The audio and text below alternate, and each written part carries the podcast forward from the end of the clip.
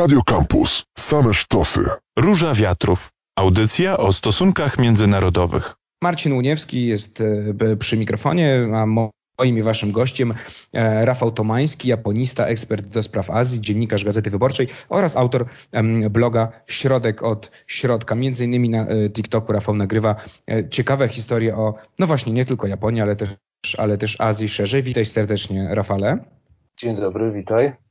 To ja dodam tylko na początek, że rozmowa jest wyjątkowo nagrywana we wtorek wieczorem, a mówię to dlatego, że sytuacja wokół igrzysk w Tokio jest tak dynamiczna i tak szybko się zmienia, że różne rzeczy mogą się w środę wydarzyć albo w mm, następnych dniach, a tych już niewiele zostało, bo w piątek mają się zacząć no chyba najbardziej niechciane i smutne igrzyska w historii czasu. Coraz mniej atmosfera wokół tego wydarzenia gęstnieje, pojawiają się też kolejne wątpliwości i skandale. O nich powiemy za chwilę. Na początku pytanie do Ciebie, Rafale.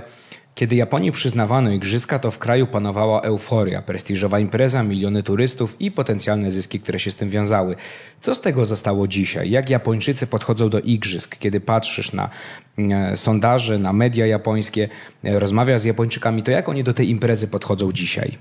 Moglibyśmy zrobić tę rozmowę z, z odpowiedziami na pytania monosylabami, czyli nic naprawdę nie zostało nic, zostało jedno duże rozczarowanie. Oczywiście wszyscy dostali porówno, na całym świecie wirus sieje spustoszenie.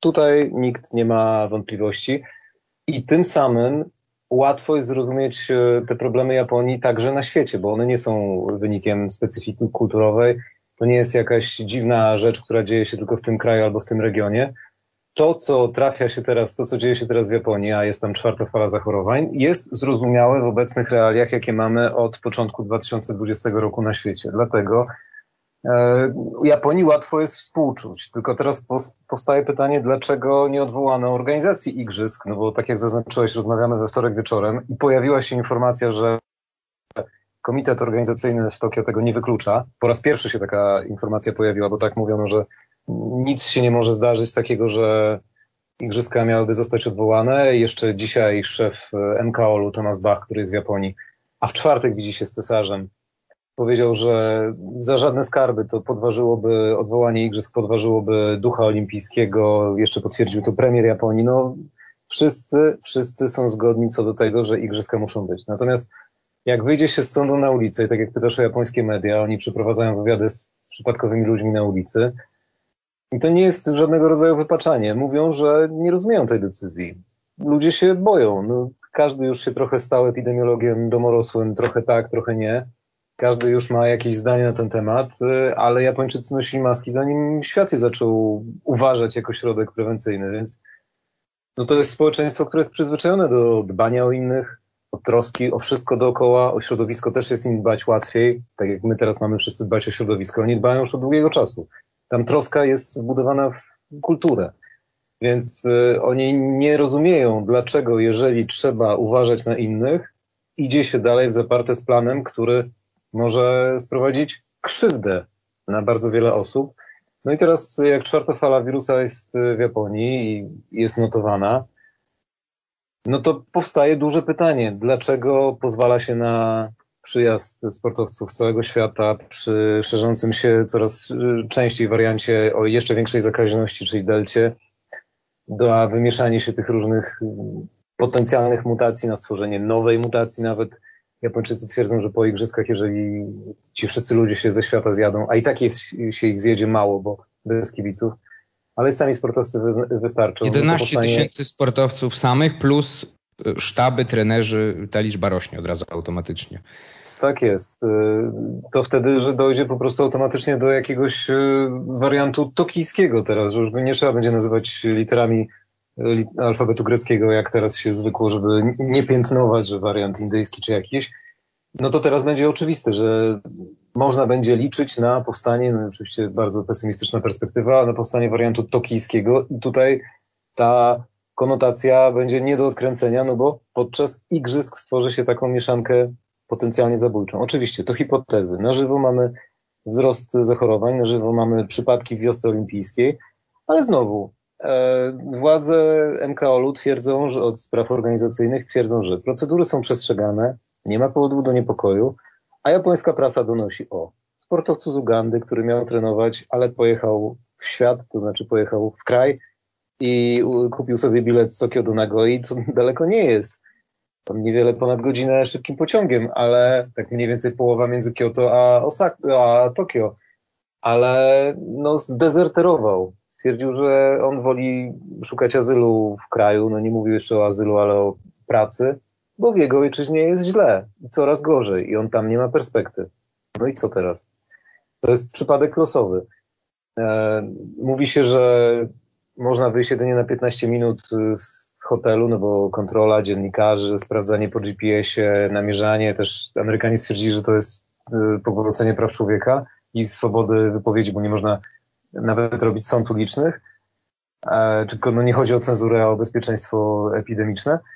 Teoretycznie można wyjść tylko na 15 minut. No to Tokio się nie zwiedzi, czy tam miast, w których są inne dyscypliny rozgrywane. No, no nie można mówić o zwiedzaniu w 15 minut, ale e, sądy, wywiady przeprowadzane przez japońskie media z personelami hoteli, w których są dziennikarze i sportowcy rozlokowani, mm, pokazują, że ta, ten personel obsługujący nie jest w stanie wyegzekwować nawet. Bariery. Są rozmaite, językowe, kulturowe, e, socjologiczne, nawet wstyd wchodzi w grę, nie są w stanie wyegzekwować od ludzi, którzy się gdzieś przemykają cudzoziemców korytarzami, żeby przeszli tędy, a nie tędy, żeby wrócili albo nie wychodzili, żeby powiedzieli dokąd idą.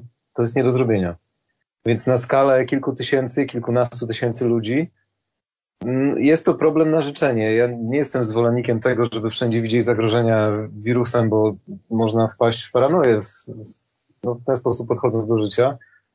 Ale jeżeli tak przyjęto zasady, no to organizowanie igrzysk i przeprowadzanie ich w taki sposób jest po prostu dość niezrozumiałe, delikatnie mówiąc. Niewątpliwie niska liczba w pełni zaszczepionych e, osób. Obecnie tylko 20% Japończyków jest zaszczepionych, dla porównania w Polsce 16%.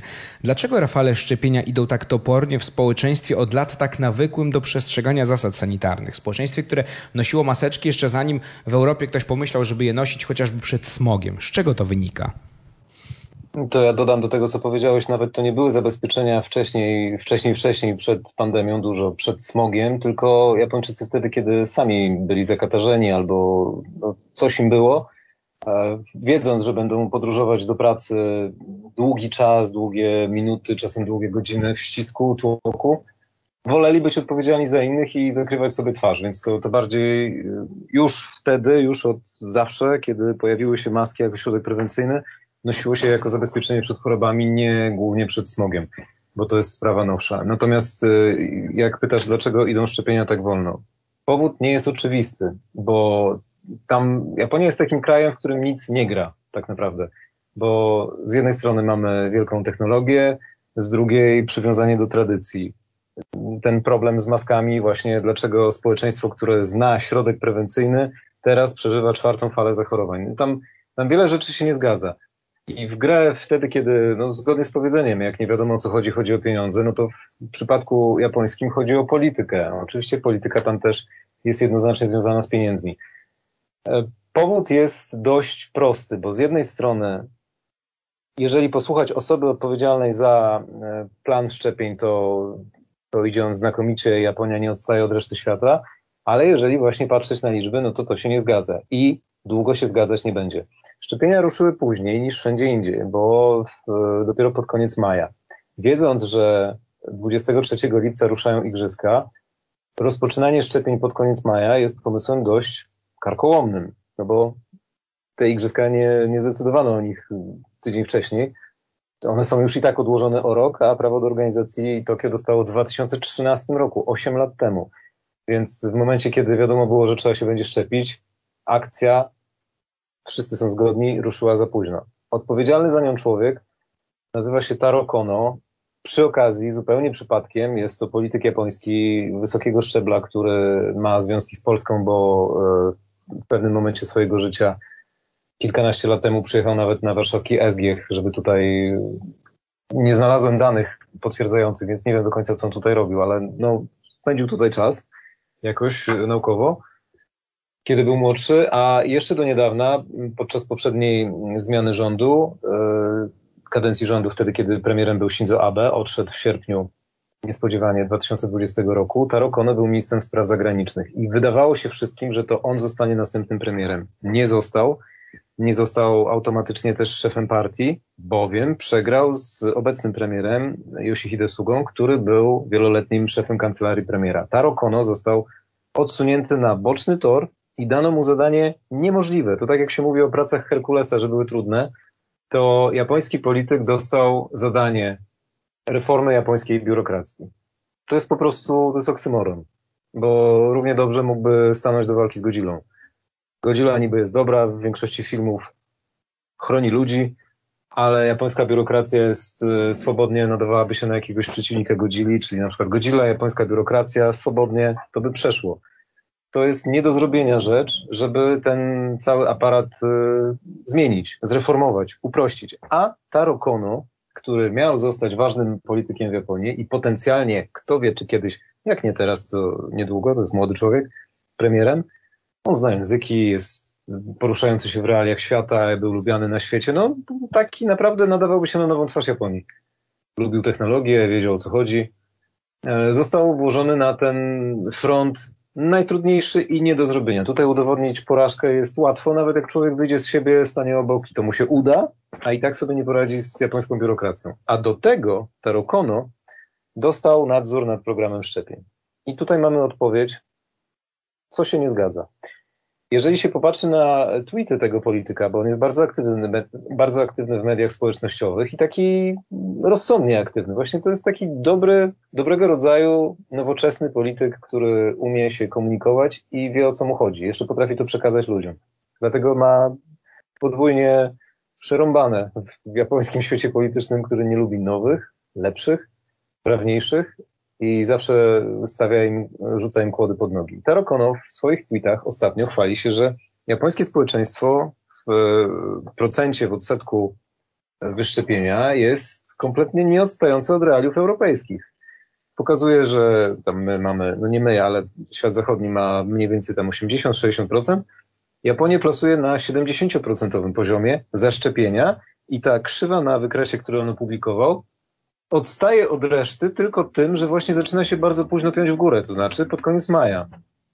No i, i tyle. To po prostu. Znaczy, rozumiem właśnie... te 70 pierwszą dawką, tak? No tak, no on się tym no posługuje.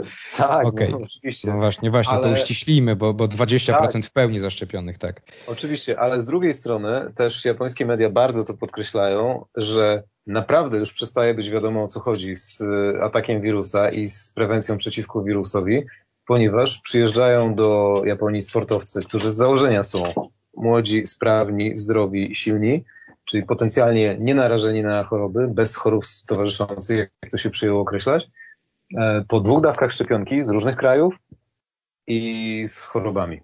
Więc naprawdę to zaczyna być dziwne po prostu i no, z jednej strony jest na takie trochę polityczne zamówienie, bo ten człowiek właśnie ma no ma stracić twarz po prostu, ma zostać tak zdyskredytowany, że jeżeli, e, bo w październiku mamy wybory japońskie, e, parlamentarne po igrzyskach i po paraolimpiadzie i tutaj się kryje odpowiedź na kolejną warstwę tego całego galimatiasu. Dlaczego to tak dziwnie idzie? No bo niedługo po igrzyskach są wybory i tyle samo jest chętnych na to, żeby zrobić krzywdę tym, co rządzą, a rządzą od 1955 roku, więc wiele osób ma chęć, żeby te rządy ukrócić. Tak samo jak e, ci, którzy są u steru władzy, no, robią wszystko, żeby igrzyska się odbyły. Każda wpadka jest automatycznie używana jako oręż na nich. No, tutaj się ścierają takie dwa monolity. Tych, którzy są za i tych, którzy są przeciw. I te monolity po prostu idą na czołowe zderzenie takich ludzi jak y, właśnie ten człowiek odpowiedzialny za program szczepień jest oczywiście wiele więcej. No ale w przypadku, kiedy załóżmy, wygrywa partia rządząca teraz y, w październiku wybory, no to jest duża szansa, że obecny premier Yoshihide Suga, który owszem był wieloletnim y, szefem kancelarii poprzedniego premiera i człowiekiem takim zaufanym, ale teraz jako premier się nie sprawdza, bo nikt go nie rozumie, nie zna, nie przypisuje mu żadnej charyzmy, ja nawet jak pytałem znajomych w Japonii, tam właśnie jak, co myślicie o tym, co on powiedział, to oni, no dobrze, no ale kto się tym przejmuje, co on mówi? Bo to jest taki człowiek, który coś mówi i nie wiadomo do końca po co. Taki odbiór ma Yoshihide Suga, obecny premier w Japonii. Zatem automatycznie no nie jest to mocna pozycja i Taro Kono ponownie mógłby chcieć budować koalicję poparcia, żeby po ewentualnie wygranych wyborach w październiku móc liczyć na stanowisko premiera. Do tych wszystkich problemów, e, Rafale, dochodzi jeszcze skandal obyczajowy. Tuż przed ceremonią otwarcia igrzysk Keigo Oyamada, który pracował nad oprawą muzyczną tego wydarzenia, no, ważnej części igrzysk, jeśli chodzi o, o, o takie um, wizualne wrażenia, e, on rezygnuje. Na jaw wyszły informacje o jego zachowaniu w przyszłości wobec osób niepełnosprawnych. Powiedz o co chodzi w skrócie, bo mam jeszcze jedno pytanie do ciebie, żebyśmy zdążyli w tej części. Ten skandal z muzykiem, bo Keigo Yamada miał być kompozytorem nie całej muzyki, ale takiego najważniejszego fragmentu otwierającego igrzyska, a także ceremonię e, igrzysk paraolimpijskich. Więc jakby tą naj, najbardziej prestiżową funkcję dla muzyka, kompozytora miał pełnić. On jest człowiekiem bardzo znanym w Japonii od 30 lat. Jest młody człowiek, ale on wcześniej zaczął i w momencie, kiedy też e, dokonała się zmiana cesarza, w 89 roku rozpoczęła się nowa era i też muzyka rozrywkowa wchodziła w tej nowej formie szerzej, to on już wtedy został znany. Więc od początku lat 90 był na topie i był takim celebrytą nowej ery. I zdarzyło mu się w 94 i 95 roku udzielić dwóch wywiadów, długich wywiadów, bo Japończycy czytają na potęgę, tam magazyny liczą wiele stron i taki wywiad potrafi mieć 20 stron, to są wielkości niespotykane u nas. Tam się czyta po prostu wszystko, informacje są dla wszystkich. Dowolny każdy znajdzie coś dla siebie, więc e, wywiad długi z muzykiem także mógł być przeprowadzony w latach 90. i tam o Yamada Powiedział bez żadnego skrępowania, a także opatrując swoje wypowiedzi śmiechem, co widać w tych y, materiałach, bo one krążą teraz po internecie i widać, że on mówi, mówi po japońsku i jest w nawiasie warał, śmiech. To jest po prostu tak jak u nas zaznacza się mm -hmm. wywiad, że, że rozmówca naprawdę się wtedy zaśmiał. To jest ważne. U nas to jest rzadkie. W rozmowie z Oyamadą, w tych dwóch rozmowach z Oyamadą, jak on wspomina swoje szkolne czasy, kiedy dręczył rówieśników, trudno ich nazwać kolegami, jeżeli się kogoś dręczy, to nie jest kolega, no ale powiedzmy, kolegów ze szkoły i to jeszcze z niepełnosprawnością umysłową, e, opisuje obrzydliwe rzeczy, których nie ma co wyliczać. Kto chce, znajdzie. Keigo Oyamada. Nie wchodźmy w e, szczegóły, bo to jest wyjątkowo Nie, oczywiście, obrzydliwe. oczywiście. Obrzydliwe rzeczy e, i on o tym opowiada ze śmiechem. W momencie, kiedy tydzień temu, w środę, organizatorzy igrzysk poinformowali, to był wtedy 14 lipca, kiedy organizatorzy igrzysk poinformowali, że to właśnie on jest twórcą tej głównej muzyki, no to bardzo szybko mu to znaleziono. W internecie błyskawicznie pojawiły się, to przypominam, to była środa poprzednia, e, błyskawicznie pojawiły się właśnie fragmenty tego wywiadu i z tym jego śmiechem i te, te skandaliczne rzeczy. Ludzie się oburzyli. On dwa dni później napisał elaborat, że bardzo przeprasza, że jest mu głupio, nie powinien oczywiście, ale że nie zamierza rezygnować z y, prestiżowej funkcji, jaką mu przyznano, ponieważ chce dołożyć się do sukcesu igrzysk, no a poza tym może trochę odkupi swoje grzechy. Oczywiście no, ludzie byli oburzeni do granic, zresztą słusznie. Zjawisko nazywa się tego dręczenia, nazywa się ijime w Japonii, jest bardzo powszechne i on jeszcze w tych wywiadach przyznał, że się wzorował, to był 94 rok, on się wzorował na głos, głośnej sprawie w Japonii z 93 roku, kiedy banda takich, no to trudno nazwać inaczej, banda takich zwyrodnialców zawinęła w materac e, jednego z rówieśników, postawiła go do góry nogami i zostawiła w jakimś magazynie szkolnym i chłopak się udusił. I on stwierdził, ten kompozytor, że wzorował się na tym wydarzeniu i chciał zrobić podobnie. A nie była to najgorsza rzecz, jaką robił, e, opisywana w wywiadzie. Więc e, on dopuścił się tak skrajnie nieodpowiedzialnych i beznadziejnych rzeczy, no bezsensownych to za mało powiedziane, beznadziejnych, obrzydliwych rzeczy, że ludzie byli oburzeni, zrobili petycję, zebrali tysiące podpisów, żeby go odwołać, żeby go w ogóle jakoś pociągnąć do odpowiedzialności. No i w poniedziałek, już ten poniedziałek, Oyamada złożył rezygnację i powiedział, że nie, źle zrobił, że się zgodził przyjmując te funkcje, żeby w ogóle zostać kompozytorem na igrzyska. Komitet organizacyjny przyjął Rafale, i, zostało i nam, została nam niecałą minutę, więc dopytam cię bardzo szybko. Czy Japonia może skorzystać jakkolwiek na tych igrzyskach poza prestiżem, który jest potrzebny politykom, tak jak powiedzieliśmy, wybory w październiku? No bo wydaje się, że gospodarczo to, o czym marzono, czyli miliony turystów, zyski z, e, nie wiem, ze sprzedaży pamiątek czy z miejsca pracy nowe, no to wszystko z powodu pandemii ominie Japonię. Skorzystać może, tylko nikt tego nie zobaczy, bo to jest piękny kraj i wspaniali ludzie. Oni są bardzo otwarci, wielu rzeczy nie wypada robić i z tym byłyby problemy oczywiście kulturowe, Ale mottem igrzysk i hasłem miało być omotenasi, czyli gościnność, japońska gościnność. To się bardzo trudno tłumaczy, ale oni chcieli dawać wszystko na tacy, przewidywać potrzeby gości, którzy do nich przyjadą. No to wszystko miało być dopięte, jak to oni lubią, na ostatni guzik. No ale jak nikt nie przyjedzie, to nikt tej gościnności nie doświadczy. Sportowcy się nie mogą ruszać e, z hotelu, to będą krótkie tylko wyjazdy. No i też widzieliśmy, jedna z polskich e, sportsmenek pisała, że opowiadała na Facebooku, zresztą zgodnie z prawdą, można jej lubić, ją lubić bądź nie, ale opisała sytuację zgodnie z prawdą, jak się siedzi na stołówce i je cokolwiek otoczonym pleksji naprzeciwko ktoś, no to wygląda to tak jak widzenie w więzieniu i naprawdę można było sobie żartować, że może zamontują słuchawkę, że można było rozmawiać z tym po drugiej stronie. Wygląda to absurdalnie. O gościnności nie ma mowy. Japończycy są wspaniałym narodem, który potrafi wiele zaoferować, tylko nikt tego nie zobaczy. I pozostanie I po tej imprezie niesmak i zachorowania. No tyle. Krop, kropka, Rafale. I biznesowo też y, nikt y, nie skorzysta, znaczy nikt, w sensie Japończycy nie skorzystają, bo nie ma turystów, nie ma milionów turystów. wycofują teraz. Duzi tak, dokładnie tak. Rafał Domański, japonista, e, dziennikarz Gazety Wyborczej, autor bloga Środek od Środka, był moim i waszym gościem. Bardzo dziękuję Rafale za rozmowę. Dziękuję również. To była Róża Wiatrów, ja się nazywam Marcin Uniewski, a my się słyszymy oczywiście w środę za tydzień. Radio Campus. Same sztosy. Róża Wiatrów.